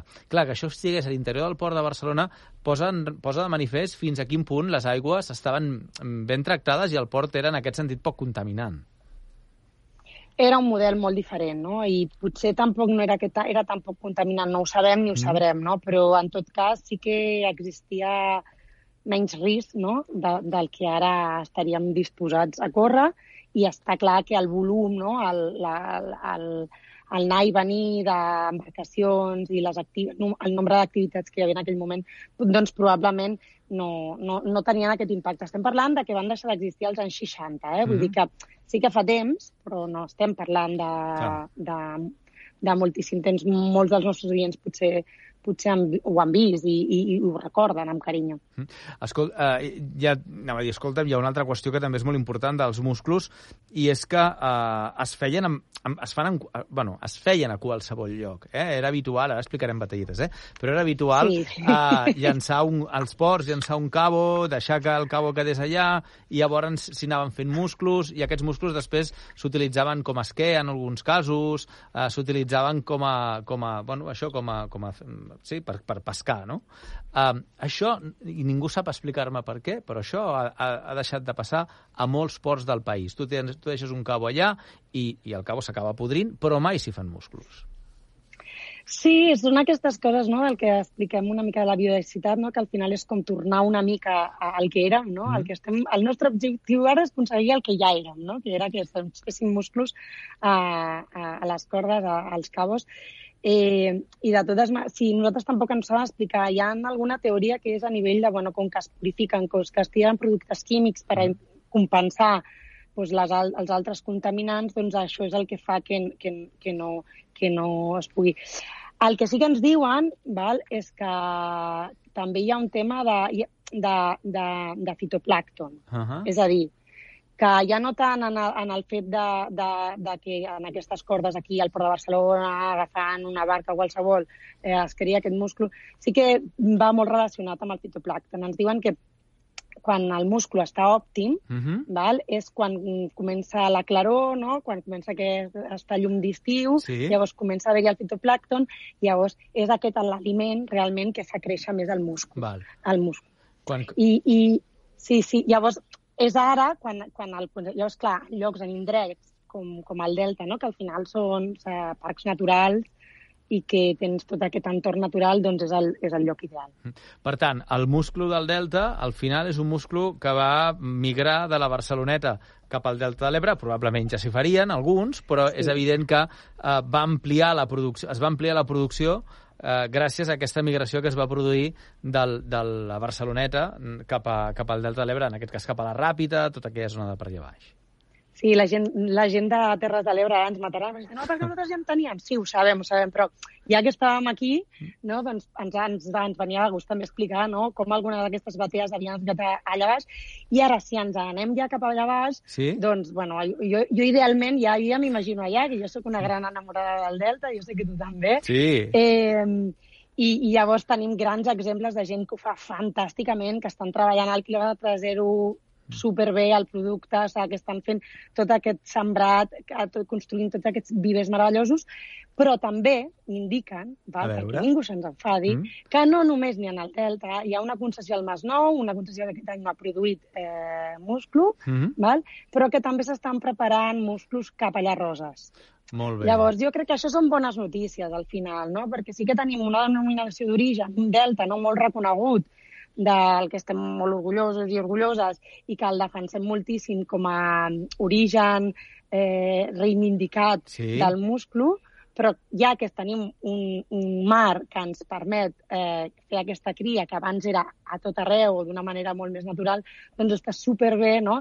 que puguem trobar models no? de, de, de cultiu d'una cosa tan, tan bona, tan fàcil, tan barateta, no? al final, que ens pot aportar tanta vitamina, tant mineral, i que podem tenir-lo pues, al llarg de la costa catalana. Veurem com evolucionen aquestes muscles. De moment, les que sabem que van a ple rendiment són les del Delta, però estem esperant aquestes també de Roses i veure si de Masnou hi ha producció. Moltíssimes ganes de que aquesta, aquestes batalles del Masnou funcionin, que, que donin músculs. És un producte, com deies, que és molt econòmic, que està molt a l'abast de tothom, que tan aviat es pot fer servir per un dinar, de, per un dinar o un sopar d'entre setmana com per un dinar un sopar especial de cap de setmana elaborar-lo una miqueta més o, o perquè ara l'estiu fa, fa festa, no? un plat de musclos per dinar, no? amb alguna coseta més, escolta, amb una amanida i xim-pum, ja tens un dinar uh, fresc i, i fàcil. A, aquí coneixem els musclos al vapor, els musclos a la marinera, els musclos amb maionesa i amb llimona. No se'ns acudeix massa... Ui, jo avui fe, feina he tingut per triar, eh? Sí. Però, però ja però un producte, o sigui, jo crec que la, la, la gran diferència, no? O sigui, eh, i això li haig d'agrair a, la, a la meva amiga Johanna de, de Cormar, de, de Musclos Cormar, que és una gran apassionada i que tracta el múscul amb una qualitat que tenen diferents segells de qualitat, em deia, bueno, però és que és el sabor, és el color, no? És, és, és eh, aquesta, aquesta manera no, que et trasllada a mar. Mhm. Menjar un musclo Sí? és com recordar el mar. És a dir, que si estem un dia lluny del mar o estem treballant i tenim ganes d'anar al mar, menjar-nos, què més que menjar-nos un musclo, no? Mhm. Eh, per, per, per tenir aquest record, no? I jo feina he tingut, Va, per trobar. T'ho dic molt, molt, seriosament, perquè jo venia amb, amb, amb diverses coses al cap. Una que era, jo ja saps que a mi em va molt el tema de l'aprofitament Sí. vale? i la calor, i una era, podem aprofitar el musclo per més coses de les que ens pensem. Mhm. val? I darrerament, en els sopars aquests que fem en el, en el Museu Marítim l'altre dia, també vam fer un gazpacho amb musclo, o sigui, un gazpacho Oh. normal, Sí? De, de sempre, eh? Gazpacho normal. Mm. Recepta. Jo no sóc una crac de fer el gazpacho, no us l'explicaré jo, No, però no. si voleu us envio la meva recepta així. Però, però bueno, un gazpacho normal. Però abans de servir-lo en el platet, hi posem els musclos. I posem inclús si tenim allò que ens ha sobrat eh, algun saitonet eh, en vinagre, Sí? no? allà enro enrotllant xetes, i si volem, doncs, el típic d'un un trosset de cebeta, un trosset de tomàquet, el que Val. hi posem normalment. Però llavors el servim. Llavors es converteix en una sopa de mar, completament, Oh, una sopa que d'estiu. bona, que no? bona. I que, a més, a mi una de les coses que el gazpacho no m'acaba de... Mm. és que m'agrada mastegar. Sí. No? I llavors, quan dius, gazpacho, dius, ja, però és que jo... Una miqueta de pa, una miqueta de cosa. Llavors, això és ideal, perquè llavors estàs menjant musclos, estàs menjant eh, proteïna, Mm? Eh, però, però a més, o sigui, ja està, és que hi pots aprofitar, per exemple, el musclo que em va, ens va sobrar ahir, no? que ja el tenim cuit, doncs et fas aquest tàper, el deixes a la nevera i el dia següent fas a, en el plat, poses el musclo al plat, poses el gazpacho I ximpunt. i ja està aquest, aquest, Fàcil. fantàstic, Home, fàcil, su- molt fàcil. Substituir els cuscurros de pa per uh, musclos. És, és una mica la, la, la proposta, no? En comptes de pa, I a musclos. més que quan anem a tabalades, tenim calor, Sí, sí, és, sí. És, és, és un fet, un fet. Què més? A veure. Una altra, una altra opció que us donava, bueno, hi ha l'adaptació de bueno, el al vapor i tot això, que Mm. mm. sempre hi ha l'opció d'internacionalitzar-lo, que és posar-li patates fregides. Home, això és molt belga. Aquesta també és molt, és molt belga. I jo, jo recordo arribar allà i pensar, "Ai, vols dir? Però està boníssim. Boníssim, Si et fas un plat de patates, et fas un plat de patates i fas el múscul al costat i és un no parar. Sí, sí o no? Sí, sí, sí, sí. A més, lliga molt bé, i no em preguntis per què, però lliga molt bé. Molt bé, Però molt no ho bé. diries. És, No, és una no, cosa que dius, bueno, no, això no, no. no. m'acaba d'enganxar, però sí, proveu-ho. Proveu perquè és fantàstic. I a més també tens aquesta cosa, a mi em serveix amb els nens, Mhm. no? que et diuen, sí, bueno, musclos ja, però dius, ah, però ho farem amb patates. Oh, I et diuen, vale. vale. Has d'anar controlant que sigui patata, musclo, patata, musclo, Sí, perquè si no, que que si no. les patates. I, I ara Però- et diré una altra sí. cosa. La maionesa lliga molt bé amb les dues coses, amb la qual cosa Ah, ja és, ja, saps, màxim, màxim, Sí. Saps? Exacte. I la final, la Sí? que ja us porto així del meu amic Raül, vale, Mhm. que, que, que és un pla, és fer una crema de musclos. Sí? Oh, que així seria com la... Sí, sí. Sí, això jo, jo, jo ho he tastat perquè el meu amic Raül és un crac en, en aconseguir que fer aquestes coses, no?, que, que són com normals, que Sí. tothom, amb tots els idiomes, però molt, molt diferents, i si voleu us puc passar la recepta concretament, però es tracta de fer una crema val? però fer-la amb musclos. És a dir, netegem, afegim una mica de suc de llimona, Sí. coem els musclos, se- separem l'aigua. És molt important que quan, que, quan obrim el musclo, eh, si després volem utilitzar l'aigüeta, després Mhm. l'hem de colar. Recordeu que sempre queda encara que els netegem, jo els netejo, els rasco, els hi trec l'algueta aquesta i tot, Tot. però igualment sempre, sempre algú queda. Llavors, l'aigua aquesta d'obrir el múscul és boníssima per fer un munt de coses, però Sí. sí, que l'hem de colar. Val. Perquè re- res ens molesta més que després aquell crec-crec, no? Sí, sí, Això no ens agrada. sorreta. Exacte. Llavors fem com un sofregiat, com si féssim una crema normal, que Mhm. aquí el Raúl ens recomana fer-la eh, sobretot amb, per, amb porros i alls tendres, per exemple. I també podem posar alguna pastaneta o alguna cosa, un fonoll, una ceba, vale? i fem la, la bresa. Llavors amb, la, fem amb, amb l'oli i llavors li, li tirem, li tirem l'aigüeta com fem com un caldito, no? una Val, bresa vale, pues, normal. sí. Val? I després el que fem és, just al final, li afegim els musclos, que ja Mm. es passa després les quantitats, vale? ho coem res una miqueta, ho triturem, i I boníssim. fan. Això sí, sempre ens guardem dos o tres musclos per Per sobre. Per això jo que anem- sempre que et dic de una miqueta De mossegar. de, de... Exacte, exacte. Doncs, Cristina... Ja sabeu que us puc, us puc passar la recepta exactament amb les quantitats per totes aquelles que diuen ja, però la Cris sempre diu una miqueta d'això, una miqueta d'allò, però som quatre a casa, com ho haig de fer? Doncs totes, totes les quantitats ens les demanem i us les passem. Doncs les tindrem penjades al web de la Platxeta, busqueu-les, i al web de uh, el Far, de, ho linkarem tot perquè estiguem tots comunicats i, per tant, des d'una banda puguem viatjar cap a l'altra i puguem fer aquesta, aquesta, crema de, aquesta crema de musclos. Ha estat un plaer aprendre molt aquesta temporada amb la Platxeta i amb Capamar, amb els dos projectes. Ha estat un plaer poder apropar-nos a la Barceloneta i descobrir aquesta vessant més marinera de la Barceloneta, redescobrir aquesta vessant més marinera de la Barceloneta que hi ha hagut tota la vida i que ara sembla que el turisme l'havia ocultat una mica, però que nosaltres, gràcies a la Cristina Caparrós, hem fet aquesta feina de, de recuperació que, sí, que esperem poder seguir fent. Eh? En aquest sentit, per tant, ens aturem, fem un petit parèntesi i, i seguim, evidentment, uh, més endavant. Cristina, un plaer, moltíssimes gràcies. Jo agrair-vos molt doncs, per aquesta temporada, esperem poder continuar amb aquesta tasca, que ens encanta portar-nos aqu- portar-vos aquesta miqueta i bueno, que tothom descansi molt a l'estiu, agafar moltes forces i salut i molt bon peix. Igualment, bones vacances, si en feu. Que vagi molt bé, Cristina. Vinga, que vagi bé. A reveure. Doncs amb la platxeta, amb el Capamar, amb la Cristina Caparrós hem après molt. Busqueu les, els llocs webs i gaudiu de l'estiu amb peix de proximitat.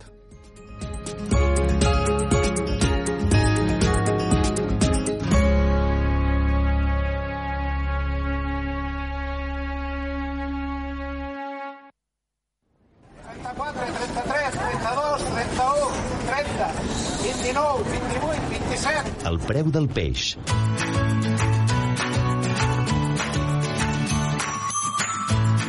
I precisament això és el que volem fer aquest, eh, aquests últims minuts de, de programa, gaudir d'aquest eh, peix de proximitat i per això avui ens n'anem cap a la confraria d'Arenys de Mar. Allí, allà hi tenim en Martí Cadellans. Martí, què tal? Bona tarda.